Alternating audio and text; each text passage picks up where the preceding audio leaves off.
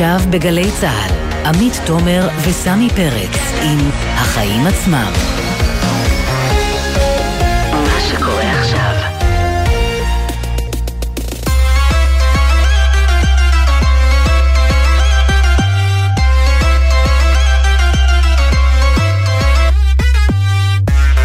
שש וארבע דקות, אתם על החיים עצמם, התוכנית הכלכלית-חברתית של גלי צה"ל. אני עמי תומר, ואיתי באולפן נמצא סמי פרץ. מה העניינים, סמי? אצלי בסדר, אני משתתף בשמחתה של ממשלת ישראל, שהצליחה לפרוס את עליית מחיר הלחם לשתי פרוסות.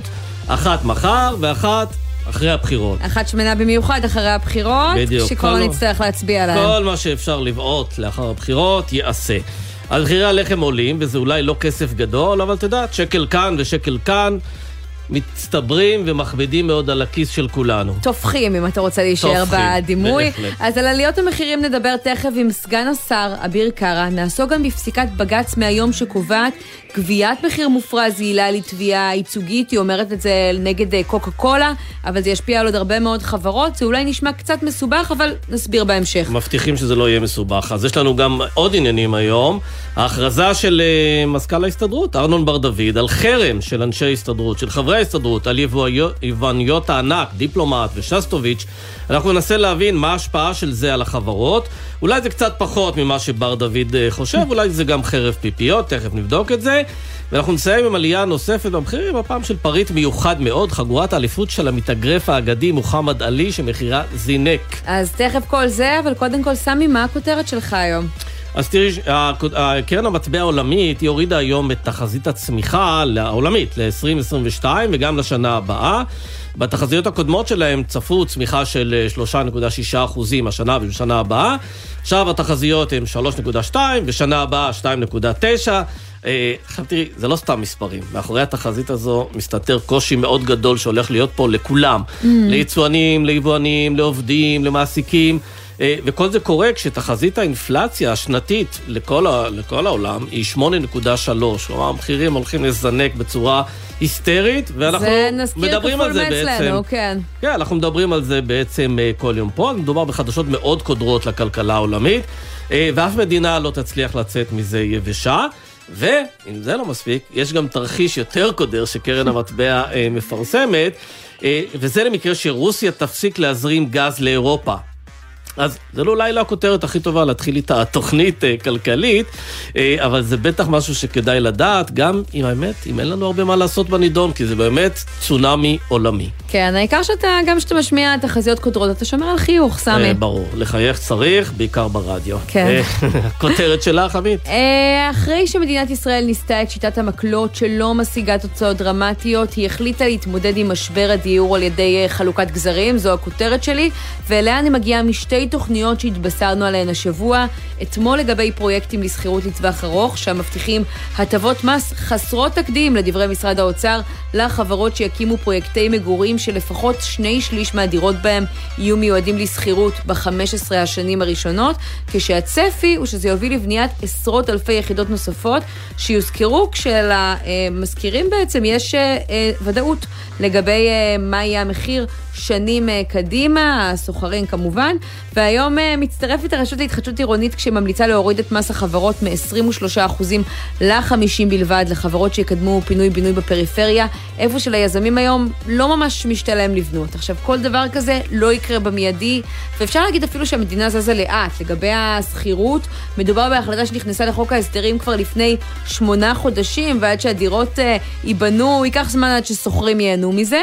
ולגבי תחזוק המבנים בפריפריה זו עדיין רק המלצה, ועד, הבחירות לא נראה את זה קורה, מי יודע מה יקרה אחרי, ועדיין, אחרי תקופה שבהם שמענו על מיסים חינוכיים, גזרות גם על הציבור וגם על המשקיעים, כמו מס הרכישה כדי להכווין התנהגות, שבין היתר גם תרמו לא מעט לקופת המדינה, אני חושבת שזה יפה לראות שמוכנים שם גם לוותר על מיסים כדי להשיג את uh, אותה המטרה. שתי הערות קצרות על התוכנית. הערה כן. ראשונה, כל הכבוד, סחטיין על הכיפאק. הערה שנייה, הייתם צריכים לעשות את זה לפני 20 שנה, כי את התוצאות ואת הפירות אנחנו נראה בעוד 10-15 שנים, אנחנו צריכים פתרונות היום.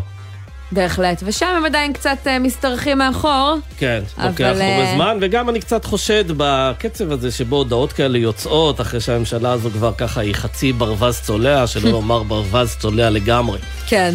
אה, נתחיל? נתחיל.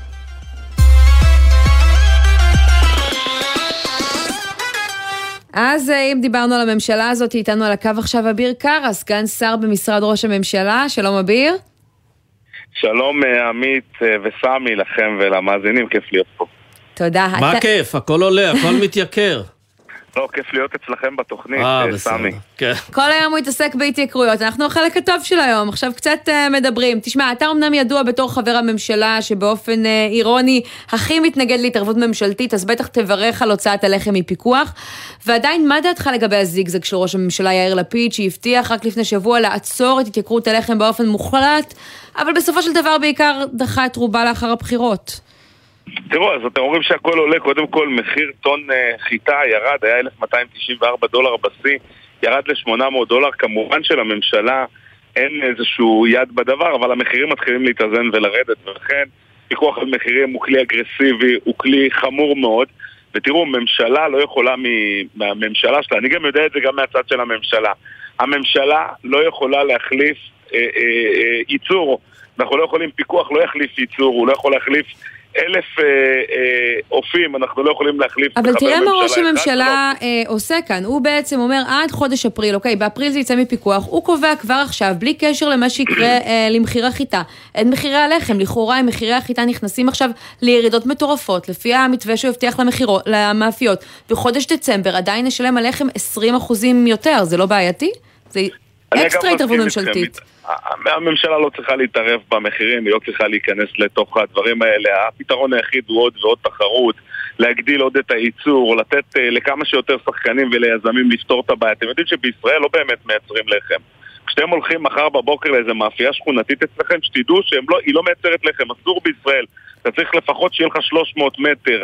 כדי להיות מסוגל לייצר... רגע, אני רק רוצה להבין, אבל ראש הממשלה שגה פה, לדעתך, בעיסוק המוגבר שלו בנושא? אני חושב, תראו, אני חושב שבאופן כללי יש בכנסת ובממשלה, כל הנושא הזה, בכל מקום שבו הממשלה מתערבת, קורים שלושה דברים באופן עקבי.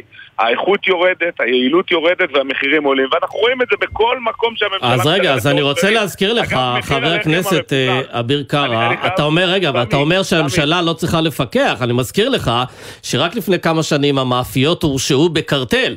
אז השאלה, אם אתה יודע, גם כשהמאפיות מגיעות למצב שבו הן מתאמות מחירים ודופקות את הציבור, גם אז הממשלה לא צריכה להתערב, בטח בשוק כזה. ברור, הקרטל הזה נולד, הרי הקרטל הזה נולד מפיקוח, מה שהקרקע הכי רעננה שנתנה לו להפוך להיות קרטל, וחיסלה את כל המאפיות הקטנות, ויצרה את אותן אה, אה, מאפיות גדולות שיצרו בסוף קרטל עם אנג'ל ועם ברמן, ולקחו ממש כל אדם שרוצה לאפות קצת ולהיות טוב בלחם, הוא לא מסוגל לעשות את זה, כי היום בשביל לפתוח מאפייה אתה צריך מקלחות לגברים ונשים, רק עם אשתך ואתה עובדים במקום, אתה יודע, אתה צריך אלף ואחת דרישות שאתה לא תצליח בחיים לעמוד בהן, ולכן זו טעות מאוד מאוד גדולה. אני הייתי באמצע משפט.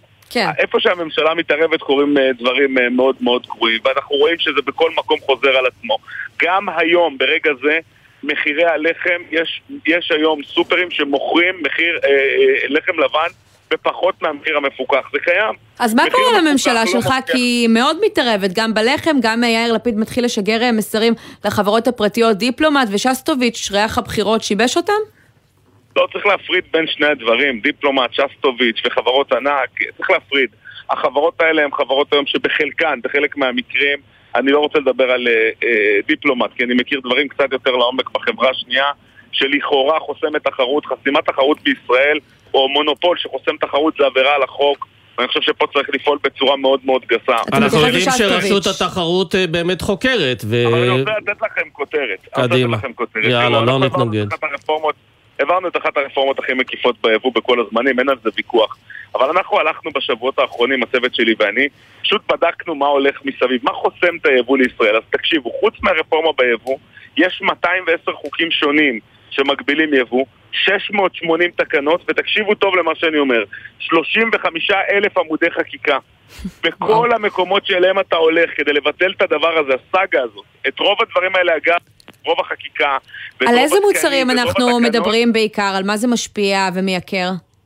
תראו, זה ממוצרי מזון שעכשיו אנחנו מטפלים בתקן מיוחד לגלידה, תקן חלבה, תקן זה. שתבינו, מי שכתב את התקן גלידה הייחודי הזה, זה היצרנים הגדולים, זה אה, שטראוס, רגע, תספר לנו מה אומר תקן הגלידה רק שנבין. שכדי לייצר גלידה, אם את רוצה לייצר גלידה, צריכה לעשות את זה בחום מסוים, במכונה מסוימת. עכשיו, למי, למי היו את המכונות האלה? ישבו היצרנים הגדולים יחד עם מכון התקנים, יצרו תקן שמתאים אך ורק להם, ולכן היום לישראל אנחנו לא יכולים לייבא גלידה, אם אנחנו צריכים לייבא גלידה, אנחנו צריכים להתאים אותה לתקינה ישראלית ייחודית. אז רגע, אז למה אי אפשר לפרסם צו? למה אי אפשר לעשות את זה בצורה יותר חדה, באמת, חרב, לחתוך את הדבר הזה, לפרסם צו שבא ופשוט חוסם את כל התקנים שנוצרו על ידי אה, אותם יצרנים בלעדיים. כל מה ש... וואו, איזה שאלה, סמי איזה שאלה, תקשיב, זו שאלה שרק מי שבאמת מבין זה, זה שואל את השאלה הזאת. פשוט כי לא ידענו. אף אחד לא ישב ועשה את העבודה הזאת ולא חשף את כמות המקומות שבהם באמת אה, ניסה, ניסו הרגולטורים להחשיך את המקומות האלה. תראו, כל התקנים האלה בסוף נועדו לשמר לשחקנים מסוימים, לתת לשחקנים מסוימים יתרון. במגרש שבו... איזה רגולטורים ניסו שלא נדע את זה? כי רגולטורים במדינה אמורים לפעול לטובת התחרות, אני חושבת. נכון, זה מדהים, אה? אבל, אבל זה לא באמת מה שקורה. אה, כי בסוף כשאתה רואה את זה משני הצדדים, אז גם למשרד הבריאות הרבה מאוד פעמים מגיעה חברה גדולה שמשווקת שמפו, שרק היא משווקת אותו, ואי אפשר להביא אותו ביבוא מקביל, והיא מספרת עם הלוביסטים שלה, לפקידים שנמצאים במשרד הבריאות, כמה מסוכן יהיה להשתמש בעדן שולדר, שבוא נראה, עמית, אם את יודעת מי המשווק של עדן שולדר בארץ, כמה יהיה מסוכן להשתמש בעדן שולדר. שסטוביץ', אם אני לא טועה. נכון, אם הוא יגיע ביבוא מקביל, ואז עושים תקן מיוחד בתמרוקים. שחוסם, כי הפקיד במשרד הבריאות רוצה לכסות את עצמו והוא לא רוצה בשום פנים ואופן. אז אני חייבת לשאול אותך על זה, בסוף הממשלה הזאת קיימת היום כבר שנה, אני יודעת שאתה, אם זה היה תלוי בך, היית מבטל את זה מהיום הראשון, אה, לא הסתרת אף פעם שאתה נגד התקנים האלה. ועדיין אנחנו רואים פתאום את משרד הכלכלה בבליץ של ביטול תקנים, יום אחרי שיאיר לפיד אה, איים על המונופולים, על דיפלומט, שסטוביץ' ויתר אלו שהעלו אה, מחירים. וזה גורם לי לתהות, למה חיכיתם עם הנשק הזה? למה זה בא בתגובה לעליות מחירים? למה לא עשו את זה עוד קודם? האם הממשלה נזכרת עכשיו במשהו שהיא צריכה לעשות הרבה לפני? אז שוב, זה מתחבר לכל הדברים שאמרתי. אה, ביום הראשון, אם זה היה בסמכות רק שלי, אז ביום הראשון של הממשלה כל הדברים האלה היו קורים. אבל תהליכי חקיקה, או גם תהליכי ביטול של תקנים ותקנות, לוקחים זמן. זאת האמת, ואתה צריך שבאמת יעבדו על זה, ואתה צריך שהאינטרסים יתחברו. גם במשרד הכלכלה היו קולות שונים, חלק בעד, חלק נגד, והיה צריך להתגבר עליהם. קודם כל צריך להגיד מילה טובה פה למשרד הכלכלה בשנה האחרונה. הצלחנו באמת להביא רפורמה אדירה, אבל עדיין... אבל כשאתה אומר האינטרסים לא התחברו, זה מתאפשר רק בגלל הלחץ הזה נגד עליות המחירים? מה שקורה עכשיו, שגורם לפוליטיקאים לא, לחפש איפה להגיב ולהוציא תוכניות מהמגירה שהם לא השתמשו בהם שנים? תראה עמית, אני אמרתי את זה כמה פעמים, אני אולי חבר הכנסת עם הכי הרבה הישגים בכנסת הנוכחית, זה יתאפשר באמצעות הדבר הזה, שבעצם היה לנו פה ביכולת הפוליטית, בקונסטלציה הפוליטית, היה לנו אפשרות באמת ליישם מדיניות של מה שאנחנו מאמינים בה, ואנחנו בשנה שעברה, לפני שנה וחצי, חלק מהדברים שהיו הם חלק בלתי נפרד מהמצב בחירות שלנו, היו קשורים בפתיחת השוק לתחרות, בביטול מכון התקנים. דרך אגב, לא סיימנו שם את העבודה. במכון התקנים... לא, אבל זו השאלה. השאלה אם ממשלה כזו, כשהיא ברווז צולע, היא בכלל מסוגלת לקדם עוד משהו בסיטואציה הזו. כן, כי כמו שראיתם, אתמול השרה חתמה על משהו שהוא חלק מהרפורמה שעברה בקיץ בחוק ההסדרים. זאת אומרת, זה כבר עבר אליה בסמכויות. יש המון דברים בתוך המשרדים שאנחנו עושים היום, שהם בסמכויות שלנו. אנחנו בשבוע הבא, לא סתם אמרתי תקן גלידה, תקן טחינה ותקן חלבה, כי זה חונה אצלי. מתוקף הרפורמה ברישוי עסקים, בשבוע הבא, ביום שלישי, מתכנסת במשרד ראש הממשלה ועדה בראשות יואל בריס, ועדת תקני המזון, ואנחנו הולכים לבטל את כל תקני המזון. יפה, רק לסיום, שאלה פוליטית, תגיד לי, המפלגה שלכם התפרקה, ימינה, אה, אבא הלך, אמא עוד נשארה, אבל עם מי אתה הולך? תראה, אני בימינה, וימינה הייתה בשבילי קרש מקפצה לעשות הרבה מאוד דברים שחלמתי לעשות, ולהשיג הרבה מאוד מהמטרות שלי. אני בימינה, אני מקווה שביומיים שלושה, חמישה קרובים אנחנו גם נתחיל איזשהו קמפיין כדי שכולם יתחילו לשמוע ולראות אותנו, ואני אומר לך, תראה, לי באופן אישי לאביר אין שום יתרון בשיח הכן ביבי, לא ביבי, זה פחות אני יכול להתערב שם, פחות בזה. אבל עזוב, בוא נדבר כלכלה, ש... דיברת עכשיו עשר דקות על האג'נדה הכלכלית שלך, באיזה מפלגה אתה חושב שתממש אותה הכי טוב? אז, אז, אז זהו, אני, אני אומר, עמית, כל מי ששומע אותנו ורוצה להצביע, הוא מאמין באנשים של שוק חופשי, שיכולים לפתור את משבר הדיור, שיכולים לפתור את uh, יוקר המחיה, ותעלו אותי לדבר על דיור, יש לי תוכנית הדיור הכי טובה שהוצגה אי פעם בישראל. או, נעשה גם את זה. אני חושב שאם אנשים, אם יש אנשים פה שרוצים לקנות דירה לילדים ושומעים אותנו עכשיו, יש לי שם יתרון מאוד גדול, אני אומר לכם, תצביעו לנו, אנחנו דוארים, תצביעו לנו זה לימינה, כי אתה אומר שוק. חופשי, ביטול מכסים, ביטול התערבות, אני שומעת אביגדור ליברמן, ישראל ביתנו. זה חד משמעית האג'נדה של ימינה מהיום הראשון, וזאת גם האג'נדה שתמשיך בימינה. אוקיי, יפה. ואחרי שדיברנו כלכלה, רק לסיום, בכל זאת, בתוך ימינה, ביבי, לא ביבי, זה משנה לך, או שאתם תשבו עם מי שיכול לקדם את המטרות האלה? אה, עמית, אני לשנייה אחת פספסתי אותך. אה, היה איזה קפיצה? אז אני אומרת, אחרי שככה אה, דיברנו על מה, מה חשוב לך, הדברים האלה יותר חשובים בעיניך מביבי, לא ביבי, זה דבר שאתה מוכן להתפשר עליו בממשלה הבאה? לשבת תחת ביבי לא, כדי אני- לקדם אני את הדברים אני האלה? אומר- אני אומר שבאירוע הזה לי אין שום יתרון. יש לי שם, זה לא- אין לי שם יתרון בלהגיד לך כן ביבי, לא ביבי, זה אחרים גוברים את זה יותר טוב ממני. לי יש יתרון בצדדים הכלכליים, כל פעם כשתלו אותי לדבר על כלכלה, לדבר על זה, וכן, כמובן, אני מגיע עם הטיקט הזה ואני רוצה לממש את זה בממשלה שאנחנו נהיה בה. לא, כי איילת שקד עוד לא. אמרה איזה גושי, ובסופו של דבר, אתה יודע, יכול מאוד להיות אם אה, לא תיכנסו לשבת עם נתניהו והוא יוביל את הממשלה, שלא תוכלו להמשיך ולעשות את כל אני הרפורמות האלה. ימין- אני איש ימין מלא שלא רואה את עצמו חלק מגוש של אדם אחד, אני, ימין זה דרך, זה ערך, זה דברים שהולכים קדימה, זה ימין זה ל- להתיישבות ולחזק את הכלכלה החופשית. אז מי יעמוד בראש הממשלה? פחות משנה. זה, אה, את יודעת, זהות ראש הממשלה נקבעת בסוף על ידי הציבור. כן. טוב, אביר אה, קארה, סגן שר במשרד ראש הממשלה, תודה רבה ששוחחת איתנו. תודה רבה לכם. ואנחנו אה, נשארים פחות או יותר באותו אה, עניין, בזמן שככה אנחנו שומעים על התייקרויות, דווקא מבית המשפט העליון מגיעות חדשות אה, אולי שמסמנות אה, טוב, אבל הטוב הזה ייקח הרבה מאוד שנים. אה, בג"ץ קובע בתביעה אה, שהגישו נגד חברת קוקה קולה אה, בטענה שהמחיר של המוצר שלה הוא מופרז, היא לוקחת עליו יותר מדי, שזאת עילה לתביעה ואפשר לתבוע. אבל היא לא מכריעה האם קוקה קולה ספציפית לוקחת מחיר מופרז אה, או לא, וכדי להבין את ההשלכות של ההחלטה הזאת, אנחנו רוצים לדבר עם מי שהגיש את התביעה הזאת, עורך דין אה, רנן גרשט, שלום. שלום, ערב טוב. ממשרד אה, נאור אה, גרשט, אתה מייצג את התובע הייצוגי בעצם, שלקח את קוקה קולה לבית משפט על גביית אה, מחיר מופרז, תזכיר לנו קודם כל של מה, של איזה מוצר? קודם כל, שני דברים, אה, זה לא החלטה של אה, בג"ץ, זו החלטה של אה, בית המשפט העליון כערכאת ערעור על החלטה של בית המשפט המחוזי, זה קצת שונה. ואני כמובן לא מייצג שם לבד, אני מייצג ביחד עם עורך דין שנב יעקב, אופיר נאור, שחר בן מאיר ואיציק אבירם. סוללה ארוכה, כן, אז על מה טבעתם? סוללה ארוכה ונדרשת במקרה המורכב הזה. כן. יפה, אז בואו, קודם כל תספר לנו, מה זה קודם כל מחיר מופרז לפי הפסיקה? הפסיקה קובעת, בואו בוא נלך שלב אחד קודם, מה זה בכלל מחיר מופרז? זה מה מחיר ששאלתי. מופרז זה ניצול, זה ניצול לרעה של כוח מונופוליסטי על ידי תאגיד גדול שהוא מונופול, על ידי זה שהוא קובע מחיר יותר גבוה ממחיר שיכול להיקבע בתנאי תחרות, ולמעשה מנצל לרעה את הכוח המונופוליסטי העודף שיש לו על מנת לעשוק את הצרכנים. עכשיו, בכל מוצר מחיר מופרז יכול להיקבע כמחיר שונה.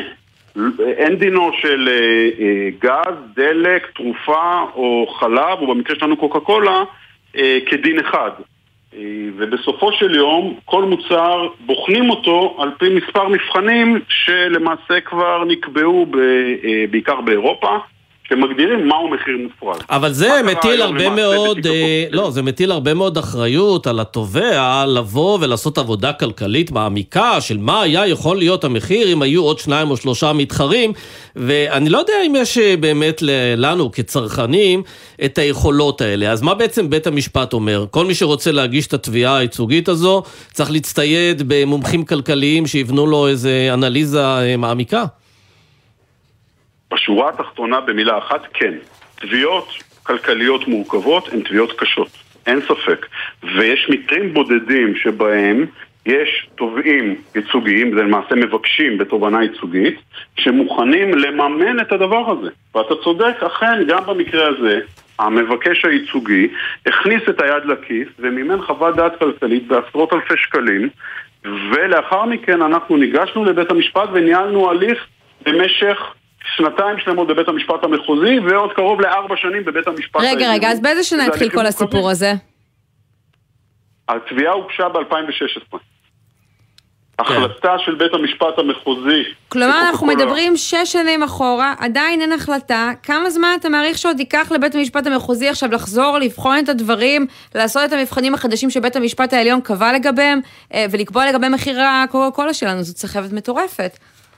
נוגעת בנקודה מאוד רגישה, כי לצערי הרבה מאוד זמן. אנחנו צפויים, אה, אנחנו צפויים לעוד שנים של בירור, באופן מצער, אבל לצד הצער הזה צריך לבוא ולומר שהיום בפעם הראשונה, בפסק דין שבאמת התקבל לפני שעה קלה, בית המשפט העליון בפעם הראשונה מציב גבולות למונופולים, מכיר בעילה של מחיר מופרז בישראל, הייתה שאלה בכלל האם קיימת עילה כזאת, ובא ואומר למונופולים, שימו לב, אתם לא יכולים להעלות מחירים כמה שאתם רוצים ולנצל לרעת הכוח המונופוליסטי שלכם.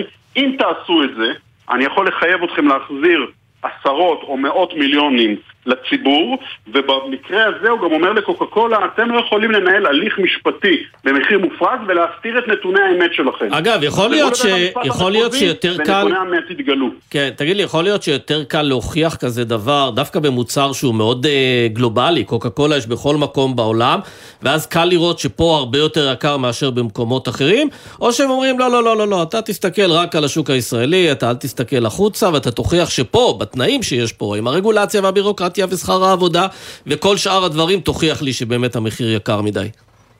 טוב, אני צריך לצרף אותך לצוות, כי זה בדיוק המבחנים של אה, אה, הגדרה מהו מחיר מופרז. בחינה אחת היא בחינת ההשוואה, מה שאתה הצבעת. כמה זה עולה בחו"ל, כמובן בניטרול אה, של עלויות מקומיות חריגות, שערי מטבע, כושר ייצור, אה, אה, תמ"ג, הרבה מאוד, תל"ג, הרבה מאוד דברים, הרבה מאוד נתונים שצריך אה, לנצל ולשכלל. בנוסף אפשר להשוות מחיר לתקופות אחרות. בנוסף אפשר להשוות מחירים לאזורים גיאוגרפיים אחרים. אבל זה העניין, שישראל אחד, יקרה. יותר מה-OECD ב-30% כמעט בכל קטגוריה אפשרית. כלומר, יש פה הרבה מאוד בשר למי שרוצה לבוא ולהגיש תביעה ייצוגית. קודם כל נכון, ואני בעד שיגישו כמה שיותר תביעות מוצדקות, כי אנחנו נמצאים בישראל במצב אבסורדי. בענף החלב אנחנו משלמים עשרות אחוזים מעבר אה, למדינות המפותחות אה, במערב. אנחנו בשתייה קלה משלמים סכומים אה, מופרזים לטעמי. אנחנו משלמים אה, מוצרים, אה, מחירים מופרזים במוצרי טואלטיקה. הרשימה פה לא נגמרת, ואם מישהו חושב שזה נעצר במזון וזה משפיע רק על המזון, הוא טועה, כי העליות מחירים האלה משפיעות גם על המדד, ובסופו של יום מתגלגלות גם לענף הבנייה ומשפיעות על יוקר המחיה בכל המשק. כן, אגב, עכשיו, בית המשפט משפט אומר עכשיו- בעצם שהמונופול, אם אני באמת תובע ואני מוכיח, או מנסה להוכיח שהוא גובה מחיר מופרז, המונופול צריך להתחיל להסביר למה בכל זאת המחיר הוגן. אה, אין פה איזה קצת יחסי כוחות לא, לא שווים, כלומר שלמונופול יש הרבה יותר יכולות, גם כלכליות, גם משפטיות, גם אה, ידע על תהליכי הייצור, שלי אין בתור תובע ייצוגי. תראו, אפשר לקחת את זה ולהרים ידיים, וזו הבחירה הקלה. אנחנו בחרנו לא להרים ידיים ולהיאבק בזה. זה שההליך הוא לא שוויוני, הוא לא שוויוני. זה שיש פה פערי כוחות אדירים, חד משמעית. זה שהמונופול, תוך כדי שהוא מנהל תהליך, ממשיך לגבות מחירים מופרזים ומושך את ההליך שנים, אתה צודק לגמרי. זה שעורכי הדין של המונופולים מרוויחים מהימשכות ההליכים, אתה צודק לגמרי. כן, זאת מלחמת שאלה עושים התשה. עם הנתונים האלה, האם לא עושים כלום, או האם פועלים. ההחלטה של בית המשפט העליון אומרת דבר מאוד מאוד חשוב, והיא אגב, בשונה מעמדת היועץ המשפטי לממשלה ורשות התחרות, שבמשך שנים ניצבו, מאז תקופתה של אה, מיכל אלפרין בעיקר, בשונה מקודמה, פרופסור גילו, הם ניצבו באופן ודאי והחלטי לצידם של המונופולים, הם אפשרו להם לעשוק את הצרכנים אה, בעיניים שלי, והיום בית המשפט בא ואומר, שימו לב, מרגע שאתם מראים שהמחיר, קיימות אינדיקציות למחיר גבוה מופרז, כן. המונופול יהיה חייב, ופה הוא מעביר את הנטל אל המונופול בניגוד לעמדת היועץ המשפטי לממשלה שהתייצב להליך, כאן בית המשפט העליון אומר, על המונופול יהיה להוכיח ולהסביר מדוע במקרה הנקודתי הזה מוצדק שהוא יגבה מחיר אה, גבוה, בשונה ממקרים אחרים. אז מאוד אני מעניין מקווה, לראות- ואני מניח שגם אתם מקווים שזה יהיה רק במקרים מאוד מצומצמים, ועכשיו בדירקטוריונים של תאגידי מזון ותאגידים אחרים, יחקרו את ההחלטה הזאת ויגידו, רגע, אולי לא כדאי להעלות את המחירים למרות שהרווחנו ב-2021 ו-2020 כן, אז יהיה מעניין אה, לראות מה אה, בעצם אה, קוקה קולה תסביר ותעשה ותוכיח. רק נזכיר, זה לא מתייחס רק לקוקה קולה, נכון? זה מתייחס למוצרים נוספים, הפתיתים של אוסם, הגשתם עליהם גם תביעה, התה של ויסוצקי יש תביעה, לא שלכם, תזכיר לנו מה עוד? יש מספר מועט של תיקים שבהם אה, ייצוגיים ועורכי דין לקחו אותם אה, אה, לבתי משפט על מנת להוכיח מחיר נפרד, זה עדיין אה, פחות מאחוז אחד מכלל התביעות הייצוגיות בישראל, כלומר זה ממש לא גל, זה רחוק מזה, בגלל הקושי שאתם הצבעתם עליו קודם. Uh, היום יש מספר תיקים במערכת של uh, מחיר מופרז שהמתינו למעשה להחלטה הדרמטית הזאת של בית המשפט העליון בקוקה קולה. יש uh, תיקים של תנובה, יש תיקים uh, כנגד אוסם, כן. כנגד שטראוס וגם כנגד uh, ויסוסטי כפי שאמרת, עושים את זה עורכי דין, חלקם uh, אנחנו, חלקם. אז דה פקטו כל הענקיות האלה יצטרכו להגיע בקרוב לבית המשפט ולהסביר למה הן גובות מחיר מופרז, אני בטוחה שזה יהיה מאוד מעניין, אנחנו נמשיך לעקוב. עורך הדין רנן גרשט, תודה רבה ששוחחת איתנו. תודה לכם, ויטור.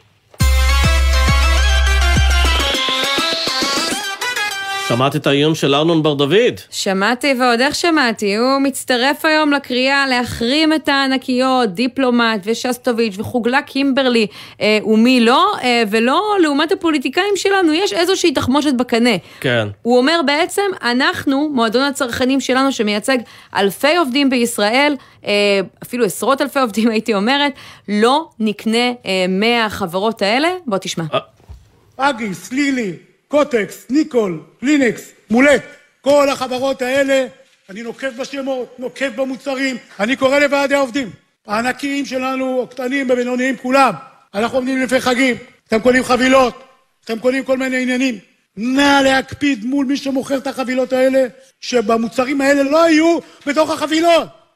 פר, אני התחלתי לפחד ואני לא העליתי מחירים. לא, את יודעת על מה אני חשבתי? מה יקרה אם אנחנו נתחיל להחרים את כל מי שגובה מחירים גבוהים? למשל, כמה מחברי ההסתדרות, חשמל, מים, נמלים, בנקים, תעופה, הרי אפשר להחרים גם אותם. מה כן. אז יגיד ארנון בר דוד? אז כדי להבין מה ההשפעה של האיום המאוד לוחמני הזה שלו, אה, אנחנו רוצים לדבר עם אה, צביקה וילנאי, שלום. ערב טוב. אתה מנכ"ל מועדון הצרכנות אה, הוט, אה, ובתור אה, אחד שגם כן פועל ככה להרבה הטבות ומתנות לחג וכולי, עד כמה המוצרים האלה שבר דוד תיאר, של דיפלומט ושסטוביץ', אם זה טמפונים, אבקת כביסה של אריאל, ועוד כל מה ששמענו עכשיו, נמצא באריזות החג? אה, אני חושב שמה שחשוב באמירה של ארנון בר לא, אבל רק תסביר לנו את זה, כי אני לא כל כך הבנתי. אה, מערבי החג זה רק חלק מהסיפור. מערבי החג אה, זה רק הדבר הסמלי אולי, שאנחנו יכולים להחליט מה אנחנו מכניסים לתוכו ומה לא. כלומר, זה לא מוצרים שהם מראש במארזי חג. נכון, נכון, אין לנו טמפונים מערבי חג מצד אחד, מצד שני יש לנו דברים אחרים. אנחנו כצרכנים, ויש כאן אמירה מאוד ברורה ונוקבת, שכצרכנים הגיע הזמן שאנחנו נבוא וניקח את גורלנו בידינו. הממשלה לא כל כך עוזרת לנו כנראה לצערי בזמן הזה. וכרגע, במקום שכל צרכן יעמוד uh, וינסה בנפרד, כמובן ללא הצלחה, לנהל משא ומתן מול הענקים האלה, אז שהצרכנים מתחברים ביחד. כן, תספר לנו רק על המועדון אה, צרכנות שאתה מנהל, כמה חברים יש בו, ומה אתה מצליח להשיג uh, בעצם עבור. חברים שלך. המועדון שאני מנהל בו, מועדון הוד, זה מועדון שיש בו 300 אלף אה, עמיתים. ואנחנו צריכים להשיג הטבות אה, בכלל אה, תחומי הצריכה, ואנחנו צריכים לחסוך סדר גודל של 5,000 שקל בשנה למשק בית. אבל צריך להבין שיש פה בעצם שני כלים. יש את הכלי שנקרא הגזר, שזה מועדון הצרכנות, שמצליח להשיג הטבות בזכות כוח הגודל שלו, כי הוא בעצם מנהל משא ומתן לרכישה קבוצתית. ויש פה גם את המקל בצד השני, והמקל זה בעצם חרם צרכנים. וכנראה שהגיעה העת לעורר עוד פעם את המחאה שהייתה כאן ב-2011, ואני רוצה להזכיר לכם שב-2011 הצרכנים הצליחו לגרום להורדת מחירים, או לפחות לעצירת המחירים. אז אה, גם אה. מועדון הצרכנות הוט מתכוון להצטרף לחרם הזה? לא לקנות uh, את המוצרים של אותן החברות? אם זה לשי לחג, אם זה לא להציע להם הטבות? אנחנו לא קונים מוצרים, אנחנו לא קונים מוצרים. לא, אבל אתם קונים חבילות שי, שהנה, כמו שאמרת, לפעמים כוללות חלק מהמוצרים האלה. רק הסברת עכשיו למה למועדון צרכנות יש כוח. בחבילות שי שתירכשנה על ידי המועדון, בפירוש לא יהיו המוצרים שהוזכרו. חד משמעית. כלומר, כן. אתם בעצם מצטרפים לאותו החרם שהודיעה עליו ההסתדרות. בוודאי. אז מה, אז אתם עושים בעצם רשימה שחורה כזו של אה, יבואנים שאתם לא תקנו אף אחד מהמוצרים שלהם, או רק מוצרים שהמחיר שלהם מתייקר? המטרה שלנו כרגע להעלות מודעות. זו המטרה הראשונה, שהצרכנים יבינו שזה לא גזרת גורל, ואנחנו כצרכנים יכולים לקחת את גורלנו בידינו ולפעול. אז מי נמצא כרגע ברשימה השחורה של, של המועדון שאתה מייצג? אנחנו עוד פעם, אני רוצה להסביר. צורת העבודה שלנו, אנחנו נמצאים בצד של הגזר, לא בצד של המקל. כי אנחנו לא קונים את המוצרים, אלא אנחנו פועלים מול רשתות שיווק. אנחנו מצליחים להשיג הקלות והנחות לעמיתים שלנו. אנחנו לא רוכשים מוצר ספציפי כזה או אחר. זה באחריותו של כל אחד ואחד מחברי המועדון, ולמעשה בכל אחד מאזרחי מדינת ישראל. להחליט מה נכנס לתוך הסל שלי. האם אני מכניס לתוך הסל שלי חברות שעושקות אותי, או שלא. והמהלך של ההסתדרות הוא מהלך שבא קודם כל לעורר מודעות. אנחנו, כמו שאמר ארנון בר דוד, אנחנו לא פראיירים. אנחנו כן. מפסיקים להיות פראיירים. אגב, זה לא חרב פיפיות מבחינת ההסתדרות, שבעצם היא מייצגת הרי גם עובדים בגופים אחרים שגובים מאיתנו מחירים גבוהים, אם זה חשמל או מים או בנקים או גופים מהסוג הזה, כי אתה מתחיל חרם, אז אה, אתה לא, אתה לא יודע איפה הוא ייעצר. מי שגובה את המחירים זה לא העובדים. מי שגובה את המחירים זה לא העובדים, אלא ההנהלות. ובסופו של דבר, עובדים לא יצאו כנגד עובדים. ואם יש uh, תעריף חשמל שנקבע במדינה, אז הוא לא נקבע על ידי עובדי חברת החשמל. אני אגיד בסוגריים אבל גם לקימברלי ולדיפלומט ולשסטוביץ' יש אה, אה, עובדים. הנה פורסם בדה מרקר לפני זמן קצר שיושב ראש אה, ועד עובדי קימברלי שמאוגדים בהסתדרות אומר, אנחנו שמענו מהתקשורת על החרם הזה. זה לא בעייתי? אה, אני לא רוצה להיכנס למארג יחסי העבודה. בסופו של דבר כנראה שהרווחים שנצברו שם הם כאלה שמאפשרים גם אה, להעסיק את העובדים בכבוד וברווחה, כפי שצריך להיות במדינה מתוקנת, וגם לא להעלות מחירים בצורה חזירית. יש שביל אמצע, ואת השביל הזה צריך למצוא. אוקיי, טוב, אני חושבת שיש פה כותרת מאוד מעניינת, 300 אלף חברים של מועדון הצרכנות של הוט, מצטרפים גם כן לחרם של ההסתדרות, זה כבר נהיה כוח משמעותי. תודה רבה ששוחחת איתנו, מעניין לראות איך זה יתגלגל. ערב טוב. כמה תשדירים ואנחנו חוזרים.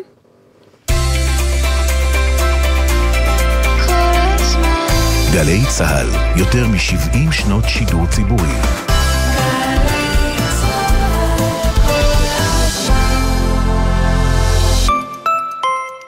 אה, קטורזה, מה קורה? אני מקווה שאתה לא שוכח למחזר. מנסה, דדי, אבל זה מבלבל המחזור הזה. מה הולך לאיזה פח? נניח שם פושקדים. זה טואלטיקה? זה, זה פיצוחים? בן אדם היום בשביל לזרוק לפח צריך חמש יחידות פחחות. מהיום, על האריזות שהולכות לפח הכתום, יש סימון מיוחד.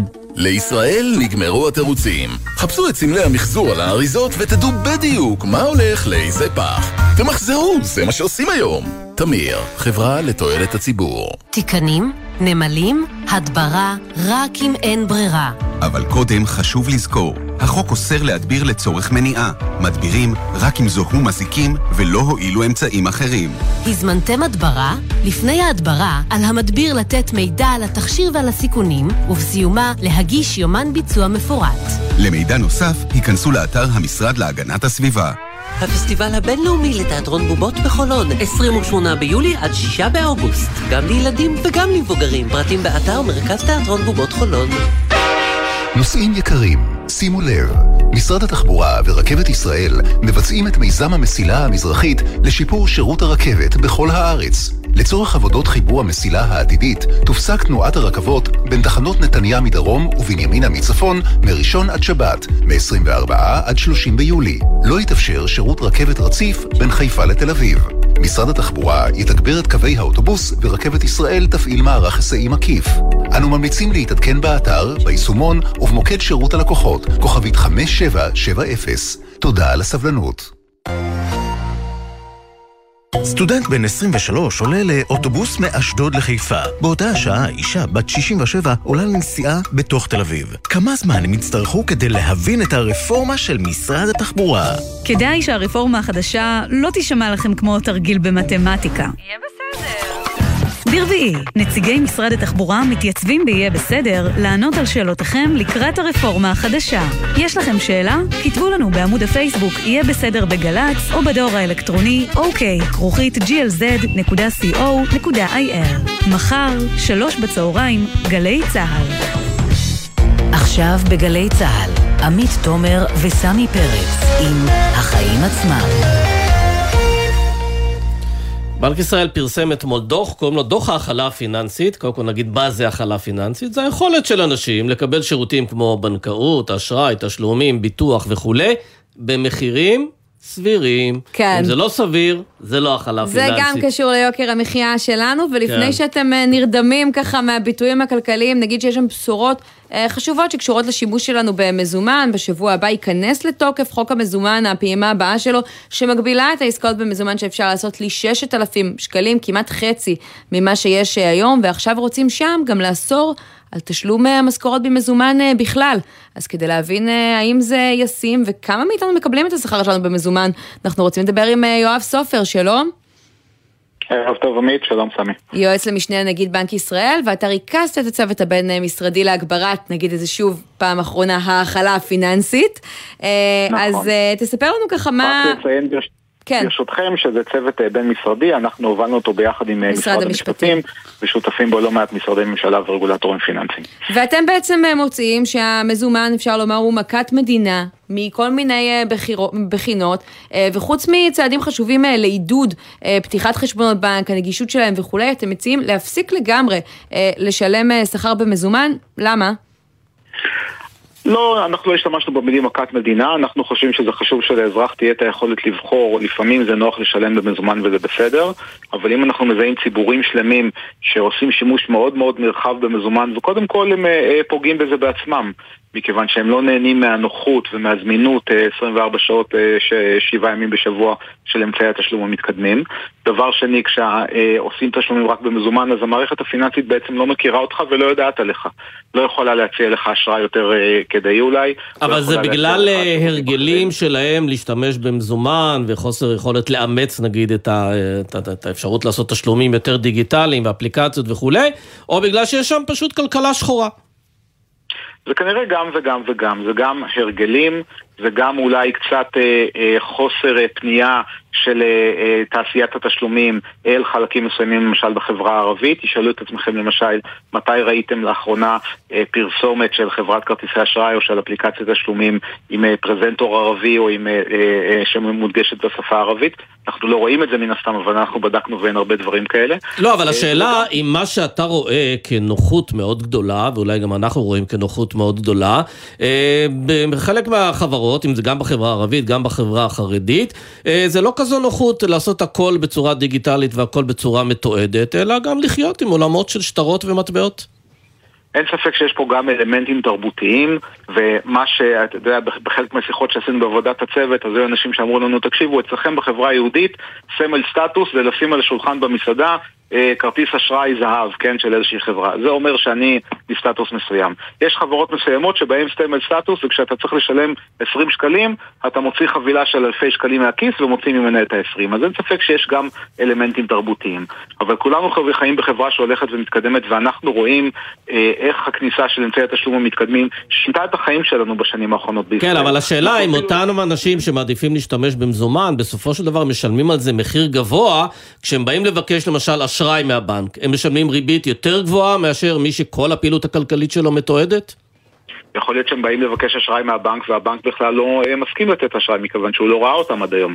אנחנו יודעים בוודאות למשל שהאנשים האלה חשופים לפחות תחרות מצד אה, אה, חברות כרטיסי אשראי כי בדרך כלל חברת כרטיסי אשראי נוטה לתת אה, כרטיס אשראי חוץ-בנקאי רק למישהו שכבר היה לו כרטיס אשראי בנקאי. ואם לא היה לך כרטיס אשראי בנקאי אז הם לא ירצו לקחת את הסיכון עליך פעם ראשונה ולכן אתה בעצם גם חשוף פחות לתחרות וחשוף פחות להצעות ערך. אז השילוב של כל הדברים שאני אמרתי ושאתם אמרתם והמחשבה פה היא בעצם שהמערכת הפיננסית ובשיחה שלנו פה כרגע מערך התשלומים שהוא בעצם הלב של המערכת הפיננסית מערך התשלומים צריך להנגיש את עצמו לכל האזרחים במדינה ואגב חשוב לדעת שיש פתרונות מותאמים לכל אחד. יש אנשים שלא יכולים לקבל מסגרת אשראי ולא יכולים לקבל כרטיס אשראי מכיוון שהם אה, נמצאים ברמת סיכון אשראי גבוה. האנשים האלה למשל יכולים לעשות שימוש בכרטיס דביט.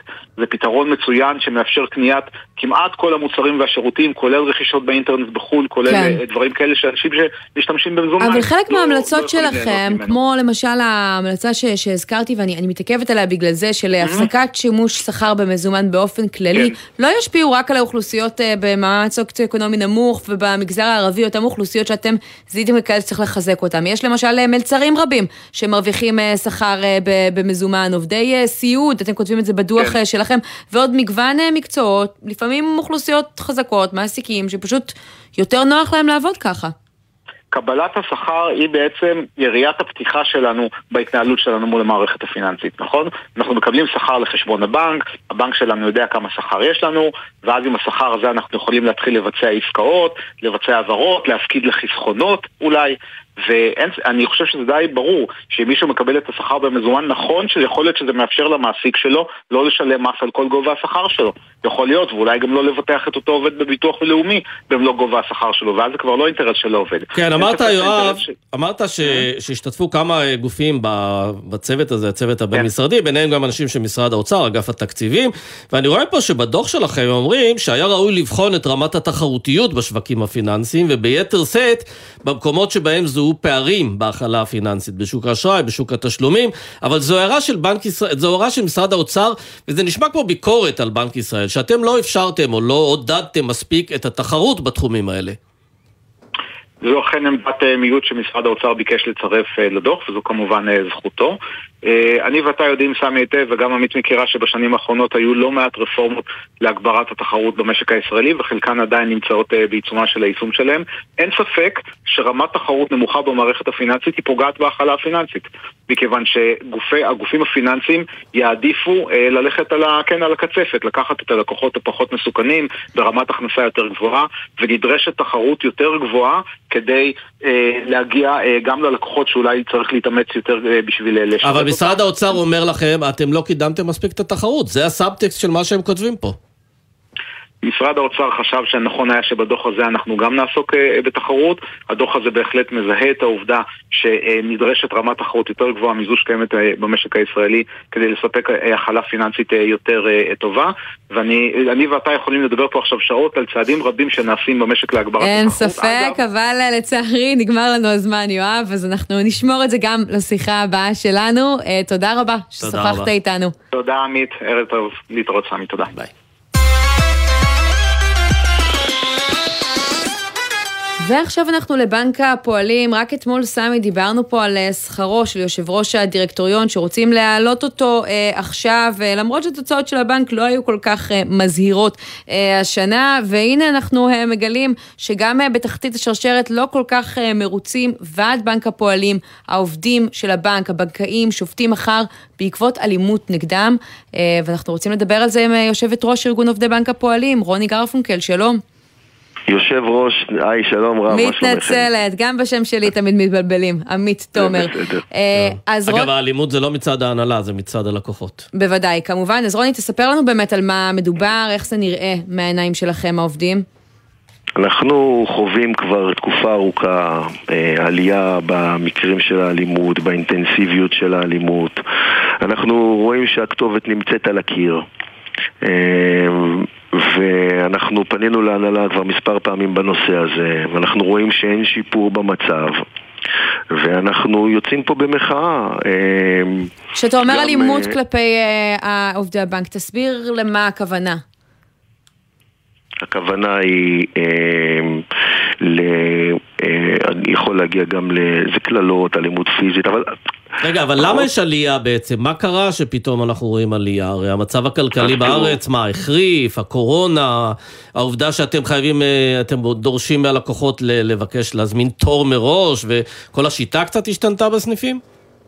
תראה, האלימות לא מגיעה משום מקום. האלימות היא תוצאה ישירה של עומסים כבדים בסניפי הבנק. וזה בעקבות מחסור חמור בכוח אדם. אז לקוחות שנאלצים להמתין זמן רב לקבל uh, טיפול בסניפי הבנק, וגם, דרך אגב, במענה הטלפוני, שמשם חוטפים קללות על ימין ועל שמאל. זה גם אלימות, כן? בואו, אלימות זה גם כזאת, ויכול להגיע לקללות מחרידות, וזה גם יכול אה, לדרדר את ההתנהגות וגם אה, לייצר תשתית לאלימות אה, פיזית קשה. אנחנו לא רוצים לחכות לפטיש ניצל כמו שקרה בקופת חולים. ואנחנו קוראים להנהלה לטפל בנושא. מה אתם רוצים מההנהלה? שמה, שהיא תגדיל את כמות כוח האדם כדי שירד העומס על כן. העובדים, כדי שהשירות כן, ישתפר ואז כן. הלקוח יהיה יותר מרוצה? כן, אנחנו קודם כל דורשים מהנהלת הבנק לנקוט במדיניות של אפס סובלנות באשר לאלימות כלפי העובדים. ברור. אבל זה לא מספיק. אם העומסים לא ייפסקו, אז האלימות תימשך. אנחנו מבחינתנו חושבים שהעומסים האלה והפגיעה בשירות שנוצרת כתוצאה מה, מהעומסים מלבה את האלימות. תגיד, אתה אומר שהתנאים שלכם אה, הורעו מבחינת הצפיפות אה, וכולי, ומנגד אנחנו שומעים על הבכירים אה, בבנק שהתנאים שלהם רק משתפרים, רוצים עכשיו להעלות את שכרו של יושב ראש הדירקטוריון, אז אולי זו לא, לא חלוקה כל כך נכונה לא, של המשאבים לא מצד הבנק? אני לא, אני לא מתייחס, תראה, אני לא רוצה להתייחס כרגע לשכרו של היושב ראש, אני לא בטוח שכל הפרטים שאתם מכירים הם נכונים והכל זה, אני לא רוצה להתייחס לנושא הזה. הפרטים מגיעים, הם פרטים גלויים מאתר הבורסה, אבל אני לא, לא מדברת על זה, הרי בסוף את העוגה התקציבית צריך לחלק איכשהו. בואו, אותי אף אחד לא שואל לגבי השכר שלו ואני לא מתמצא בנושא הזה. אותי מעניין אה, הנושא של העומסים בסניפים שהולכים ועולים כתוצאה מהקיצוצים בכוח האדם, מצפים היום מ... אבל איזה עומסים? הרי מספרים לנו כל הזמן שיש בנקאות דיגיטלית והכל באפליקציה והכל במובייל. תקשיב, תקשיב, מאוד פשוט, תראה. הרי ה trade off הגיוני הוא שהנה עכשיו נכנסה הדיגיטציה אה, וכתוצאה מכך היום שני עובדים אמורים לעשות עבודה שעשו קודם שלושה עובדים וכולי. זה לא קורה בפועל, בשטח. זה לא קורה, בסוף אנחנו, יש עלייה במופע הקהל יש עלייה בכמות הפניות וכמות המשימות. הרגולציה לא, יורדת, לא יוצאת לנו מהווריד כל הזמן מאפים עוד ועוד ועוד ועוד רגולציה בנק ישראל מעודד גם רגולציה, מעודד גם אה, אה, אה, צמצום בכוח האדם ובסוף הכל מתנקז לזה שהעומסים עולים, המצפים מעובדים שיעשו מעבר למה שהם יכולים לעשות. אנחנו מאוד אוהבים את הלקוחות שלנו, אנחנו מאוד אוהבים לתת שירות. איך ההנהלה מתייחסת לא לאיום לא שלכם ולמהלך הזה להשבתה? הם דיברו איתכם, הם קבעו איתכם, או שאתה חושב שזאת רק ההתחלה ועוד יצטרכו להחריף את העיצומים? אנחנו בדיונים עם ההנהלה כבר לאורך זמן, וזה כבר פה מבחינתנו, זה צעד מחאה שהוא מתבקש, הוא לגיטימי. אה, אנחנו, אנחנו רוצים לנצל את, אה, את ההזדמנות הזאת, ואני קורא להנהלה עוד פעם, לטפל בנושא. אנחנו עדיין... אה, אחרי המחאה הזאת מצפים שההנהלה תבוא ותשקיע ב, ב, ב, בטיפול ב, באלימות וגם uh, תדע uh, uh, לצמצם את העומסים הבלתי נסבלים שהעובדים חווים. אוקיי, okay, אז בואו רק ניתן את תגובת בנק הפועלים לדברים הללו. אומרים שם אנחנו מוקיעים אלימות מכל סוג שהיא כלפי עובדינו ונוקדים בגישה בלתי מתפשרת לשמירה על ביטחון העובדים. עם זאת מדובר בעיצומים לא חוקיים, על כל המשתמע מכך, ללא הכרזה על סכסוך עבודה שפוגעים בלקוחות הבנק, ואומרים שהם גם ימשיכו להעניק שירות באמצעי התקשורת הכתובה, ויאריכו את שעות פעילות המוקד הטלפוני. אה, רוני, למה לא הכרזתם על סכסוך עבודה ופעלתם לפי אה, הפרוטוקול של עיצומים מהסוג הזה? אה, זה לשיטתם, לשיטתנו, המחאה הזאת היא מחאה לגיטימית וחוקית, מחאה על אלימות, כמו שנעשה בהרבה מאוד ארגונים במשק. אין פה איזה, אנחנו לא חושבים שצריך להגיע לסכסוך עבודה בשביל למחות כנגד אלימות. אני מקווה okay. אוקיי. גם שלא נגיע לסכסוך עבודה עם ההנהלה ונדע לפתור, כמו שידענו לפתור עד כה, את כל המחלוקות בינינו אה, מול שולחן הדיונים ללא צורך בהפעלת סכסוך עבודה. רוני גרפונקל. זה מבחינתנו מוצא אחרון. יושב ראש ארגון עובדי בנק הפועלים, תודה רבה ששוחחת איתנו, ובהצלחה מחר. שמחתי. תודה. יש לך חגורה, עמית? אה, עליי כרגע? האמת שכן, יש פה כן. איזה קשר כזה. היא חלק מהמכנסיים, זה... אני חסכנית, סמי. היא לא עלתה לך שישה מיליון דולר. שישה מיליון דולר? לא. אני חושבת שהייתי קונה כמה דברים יותר טובים בשישה מיליון דולר, נגיד דירה, נגיד את כל הסופר. דירות. כן. כן, אז תשמעי, אז אה, למה אנחנו מדברים על זה? משום שיש אה, חגורת אליפות של מוחמד עלי שנמכרה בשישה מיליון דולר, ואנחנו מנסים להבין אה, מי, מי קונה כזה דבר בכלל. איתנו מרדכי אלון, שלום. שלום רב. אספן ספורט ובעלים של בית המכירות פעם שלישית. מי קנה את החגורה הזו בשישה מיליון דולר? קנה את זה איש עסקים, בעלים של אה, קבוצת אה, בייסבול אה, בארצות הברית. אה, תרשו לי לצנן קצת את ההתלהבות בכל הקשור למכירות הבומבסטיות אה, של מיליוני דולרים של אה, פריטי ספורט. בדרך כלל זה פריטים שנמכרו בעבר אה, במחירים יותר צנועים, עברו כמה ידיים, ותוך שנים ספורות מעשרות אלפי דולרים פתאום קפצו למיליוני דולרים. אמ, אני מספיק שנים בענף הזה כדי להריח מגמות. אה, את אותה חגורה, חגורה שאתם מתלהבים אה, ומדברים עליה עכשיו, היא נמכרה בעבר בסכום צנוע מאוד של 120 אה, אלף דולר, והיה שנתיים אחרי זה 350 ממש אקזיט. אלף דולר, ופתאום שישה מיליון דולר. אבל תגיד לי, זה עובד כמו בבורסה, שיש גם עליות אבל גם ירידות? כלומר, יכול להיות שבפעם הבאה שהוא ירצה למכור את זה, המחיר יצנח בעשרות אחוזים? בוודאי, אתה יודע, אה, כמו בתחומים רבים ישנם אה, כל מיני, נגדיר את זה ביידיש, פוילשטיקים שקשורים לפריטי אספנות. אבל פה מדובר באמת אספנות? משוגעים לדבר, זה לא שיש הרבה אנשים בעולם שמוכנים איפה הם היו לשלם את זה. לפני חמש שנים? זו השאלה שאני כל הזמן שואל. אה, אני יודע איפה הם היו. אני יודע איפה הם היו, בחמש שנים האלה הם התעשרו במיליארדי דולרים, אז מבחינתם זה כסף היו קטן. תראה, אם אני רגע אשים את האצבע על פריטי ספורט נדירים אה, או פיקנטיים, אז יש ויש. לפני מספר חודשים נמכרה החולצה של דייגו ארמנדו מרדונה, כוכב נבחרת ארגנטינה, אה, עם אותה חולצה שהוא השקיע את אה, מה שנקרא שער האלוהים או יד הזהב.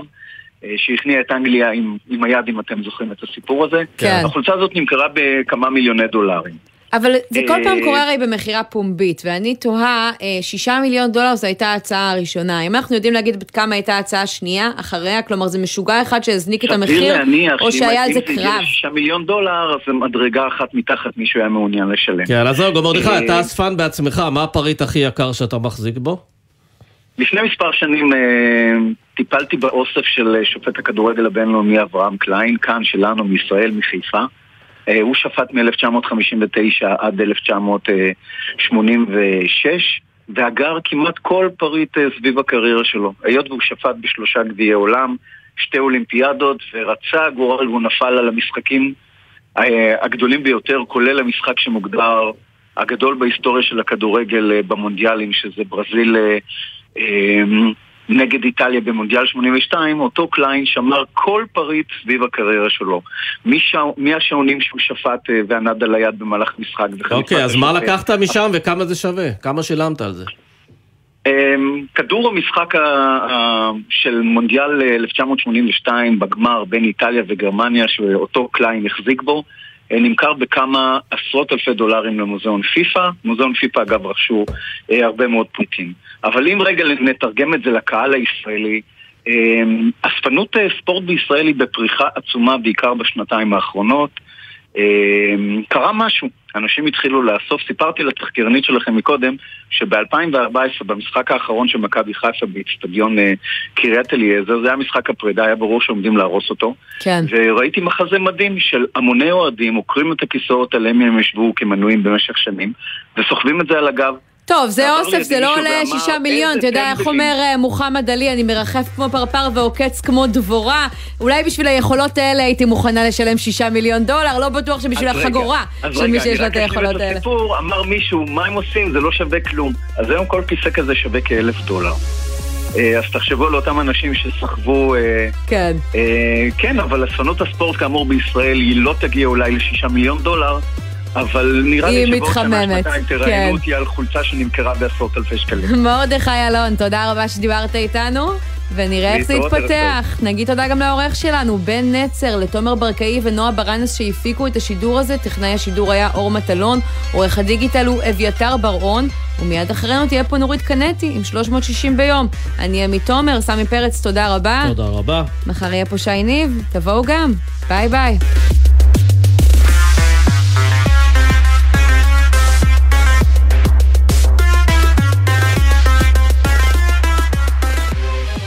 בחסות מחסני חשמל, המשווקת מזגנים עיליים, מזגנים מיני מרכזיים, מזגנים ניידים, ומעניקה חמש שנות אחריות על התקנת מזגנים. בחסות אוטודיפו, המציעה מצברי ורטה לרכב, כולל התקנה חינם, עד תשע בערב. כי אם יש משהו יותר מעצבן מלהיתקע בפקק, זה להיתקע בחנייה. אוטודיפו. גלי צה"ל, יותר מ-70 שנות שידור ציבורי.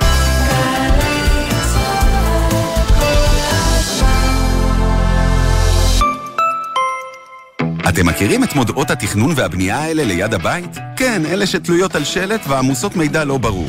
עכשיו, מנהל התכנון גאה להשיק את מודעות התכנון והבנייה החדשות. קבענו שפה פשוטה, מחקנו פרטים מיותרים, הוספנו מפה עם מיקום התוכנית ורשמנו קישור למידע מעודכן. בקרוב גם יתאפשר להגיש התנגדויות באופן מקוון. רצונכם לדעת מה מתוכנן ליד ביתכם? עכשיו זה פשוט. מנהל התכנון. מתכננים בגובה העיניים.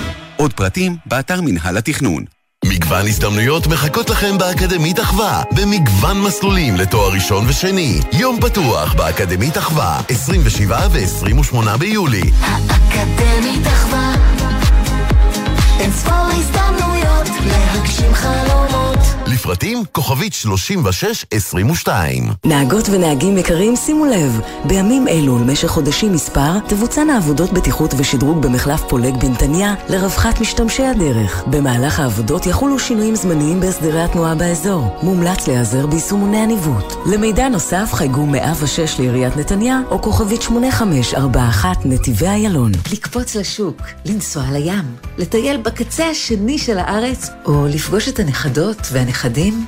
הגעתם לגיל 75? מעכשיו כל זה אפשרי וחינם. מ-1 באוגוסט תתחילו ליהנות מנסיעה באוטובוס או ברכבת, בלי לשלם כלל. שמעתם נכון. כל התחבורה הציבורית חינם עם כרטיס זהב קו. כיצד תקבלו את כרטיס זהב קו? התקשרו כוכבית 8787 או חפשו ברשת דרך שווה, משרד התחבורה. נסיעה נעימה. מיד אחרי החדשות, נורית קנדי.